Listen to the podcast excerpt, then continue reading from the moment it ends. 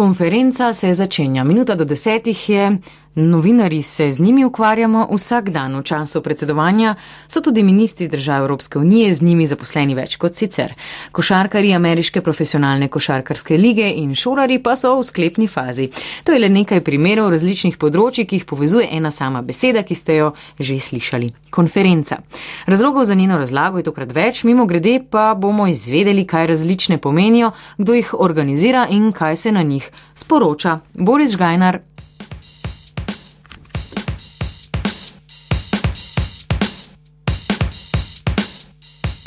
Konferenca v izpeljavi pomeni združiti oziroma zbrati, zato o njej govorimo, ko imamo opravka z različnimi sestanki z različno udeležbo. K njenemu nastanku in pomenu se še povrnemo v nadaljevanju, sicer pa jih sklicujejo različne organizacije z namenom širši ali strokovni javnosti sporočiti nekaj, ki bi jih utegnilo po tej ali drugi plati zanimati. O predsedovanju Slovenije Evropske unije je v tem tednu denimo o aktualnih dogodkih potekala konferenca kmetijskih ministrov. Kot zgodovinski primer konference pa lahko omenimo 18. januar 1918, ko se je v Versaju začela mirovna konferenca, na kateri so predstavniki zmagovalne ata. Antantne strani v prvi svetovni vojni odločali o povojni ureditvi Evrope. Sklepi, ki so jih sprejeli, se imenujejo Versajski mir, ki je postavil temelje ureditve sveta in Evrope v obdobju med obema svetovnima vojnama. S koncem druge svetovne vojne so povezane Jalska, Potsdamska in Teheranska konferenca.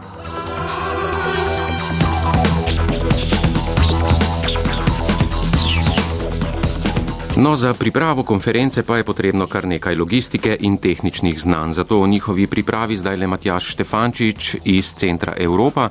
Tudi o tem, na kaj je treba najbolj paziti pri pripravi konference, mimo grede, z njim smo se pogovarjali včeraj, ravno ob koncu ene od tamkajšnjih.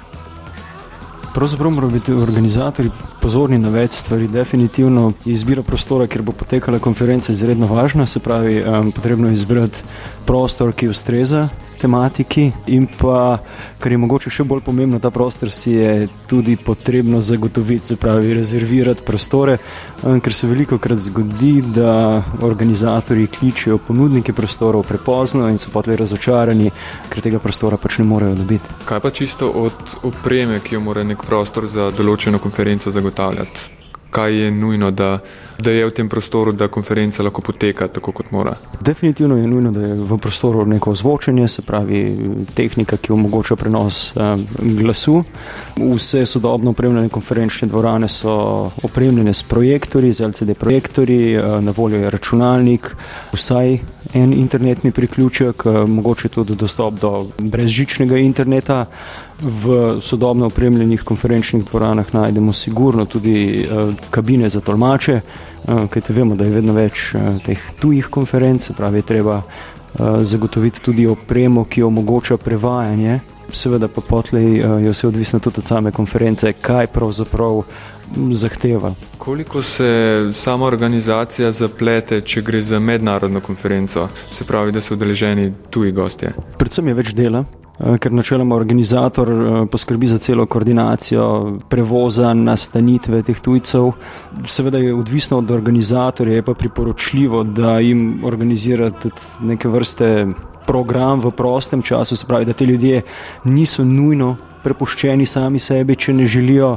Seveda je treba zagotoviti tudi tolmače, dvigne stroške, definitivno, hkrati pa lahko prinese tudi eh, k ugledu in teži same konference.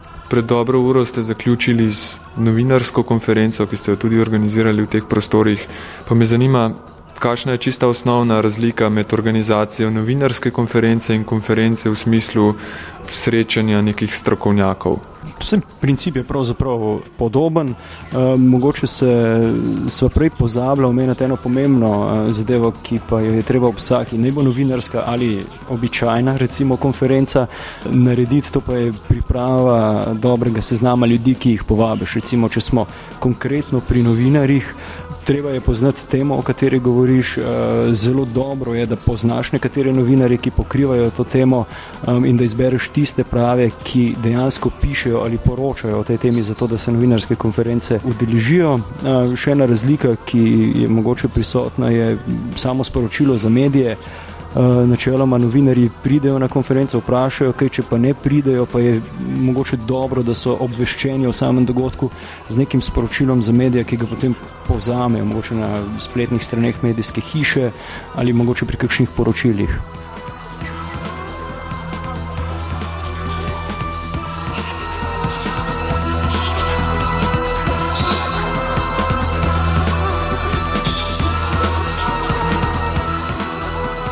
No, na tako ali vsaj podobno pripravljenih konferencah vsak dan torej sedimo tudi novinari na novinarskih konferencah, izluščimo bistvene poudarke in o vsebini poročamo javnosti, obveščamo skratka. Urednik študentske založbe Mitja Čander je tedaj Milek povedal, zakaj oni pripravljajo novinarske konference in kaj želijo z njimi doseči. Novinarske konference so v zvezi s knjigami nekaj standardnega, nekaj običajnega in jih pripravljamo že od vsega začetka delovanja beletrine in pa študentske založbe. Eh, na njih želimo v neki zgoščeni obliki predstaviti eh, novitete, eh, dati besedo avtorjem, dati besedo prevajalcem, piscem spremnih besed, opozoriti tudi na kakšna druga dogajanja zanimiva, ki, se, ki so povezana z založbo, bodi si večje prireditve, simpoziji, festivali. Uh, smo pa v zadnjih letih se odločili za potezo, ki je v tujini dosta običajna, pri nas pa mogoče malo manj, ali pa ni bila niti običajna, namreč da prirejamo eh, tiskovne konference na sami založbi. Zdelo se nam je, da s tem eh, povabimo ljudi dejansko, da pridejo k nam, da pridejo pogledat, eh, kje delamo, na kak način, torej kakšna atmosfera vlada na založbi, pa hkrati se razvijajo nekako bolj intimni pogovori, tudi te predstavitve izpadajo nekoliko bolj sproščeno, kar se mi zdi tudi uh, zelo uh, pomembno. Sveda pa ob samih tiskovnih konferencah pripravljamo za širšo javnost številne druge dogodke, na katerih se pa seveda bolj podrobno, obširneje posvetimo posameznim knjigam.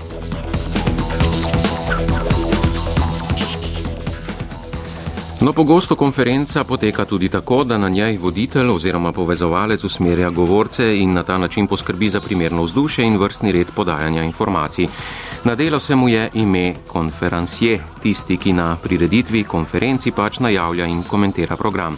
O povezavi konference in konferencijejem Nataša Dolenc, prepoznaven glas Radia Slovenija in učiteljica kulture govore, govora na Radiju Slovenija. Konferenca in konferenca obe tujki sta prevzeti iz francoske besede conference. Ta pa prihaja iz latinske konferencija v pomenu zborovanje, skupščina in je izpeljana iz glagola confere zbrati. Konferirati pomeni posvetovati se, razpravljati, zborovati, primerjani. Danes pa ima konferenca več pomenov. Posvetovanje izmenjava mnen večjega števila ljudi, navadno z udeležbo funkcionarjev, strokovnjakov, s predvidenim dnevnim redom in obveznimi sklepi, torej redna letna konferenca, mirovna konferenca, tiskovna konferenca.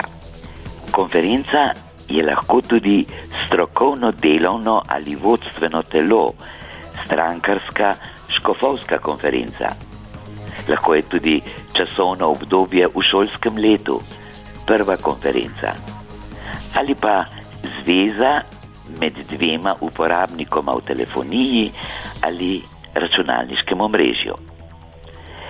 Konferenca pa je besedilo, ki ga bere ali govori voditelj oddaje ali prireditve, lahko je tudi napovedovanje in komentiranje programa na prireditvi. In končno, konferencije je voditelj, napovedovalec oddaje ali prireditve.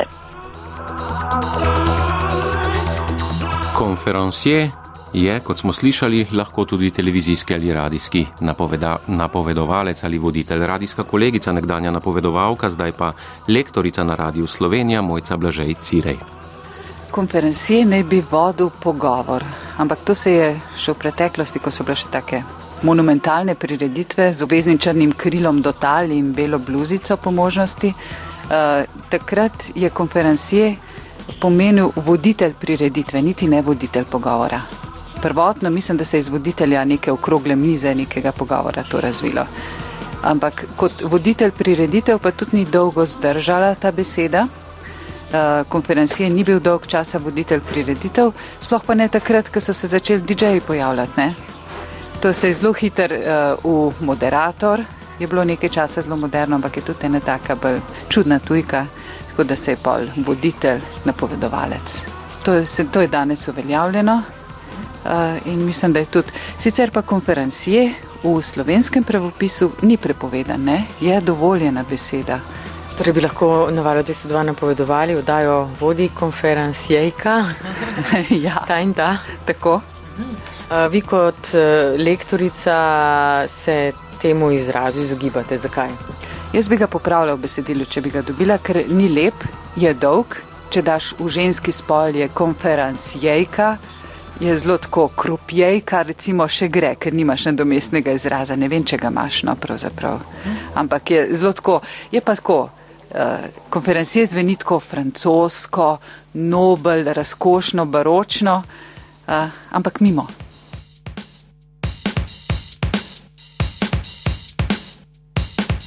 Zdaj pa konferenci druge vrste. Bliža se namreč konec šolskega leta, ki je zelo aktualna in tudi učiteljska konferenca oziroma sestanek učiteljskega zbora je tam prisoten.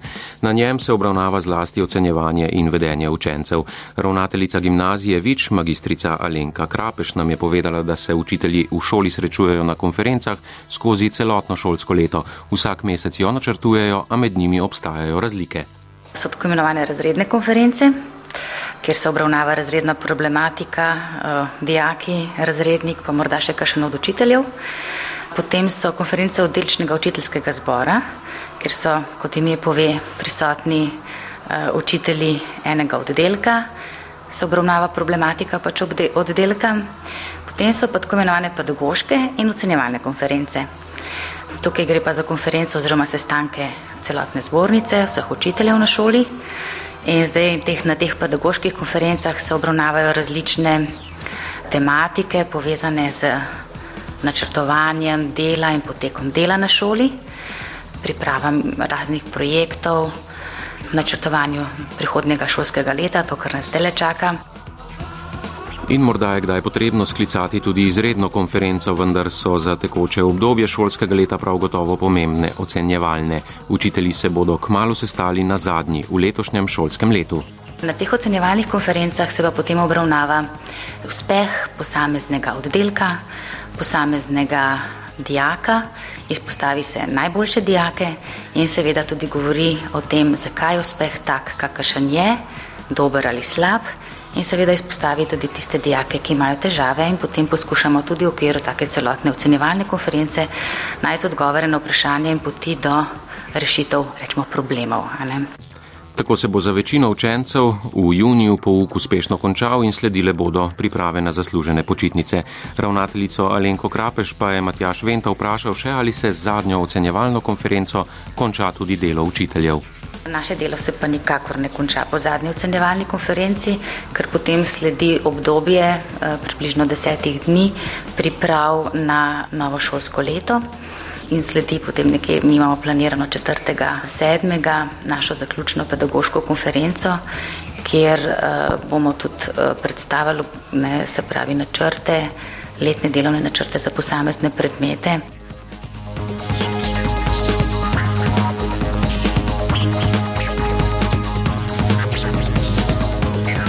Obdobje konferenc torej poteka skozi celo leto. Tudi škofovske konference se odvijajo pogosto, ko skupnost škofov na določenem področju na posvetovanjih rešuje cerkveno-pravne zadeve z svojega področja.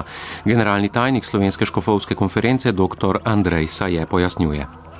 Škofovska konferenca je zbor škofov kakega naroda ali določenega ozemlja, ki v povezanosti med seboj in pa v povezanosti tudi s papežem v skladu z zakonikom crkvenega prava, pa tudi z drugimi normami in posebej statutom, ki ga ima vsaka škofovska konferenca, deluje in izvršuje nekatere naloge v blagor vernikov na ozemlju določenega, eh, določene delne crkve, kot v primeru Slovenije je to slovenska škofovska konferenca.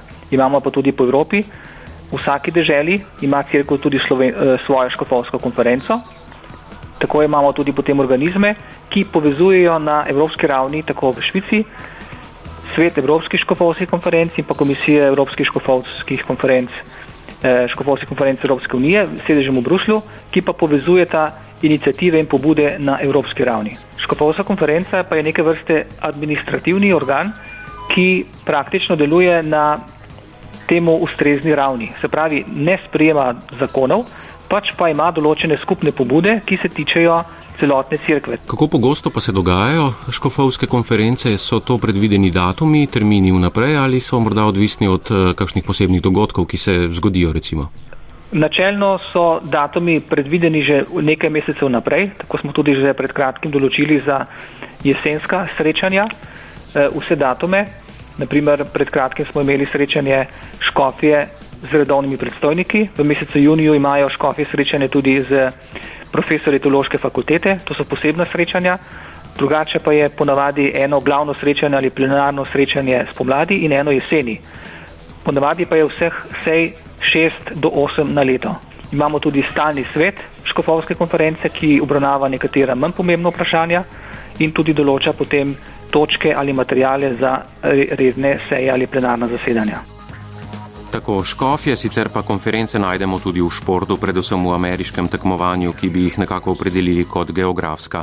Košarkarji NBA se v teh dneh spopadajo v sklepnem delu, torej finalu obeh zahodne in vzhodne konference.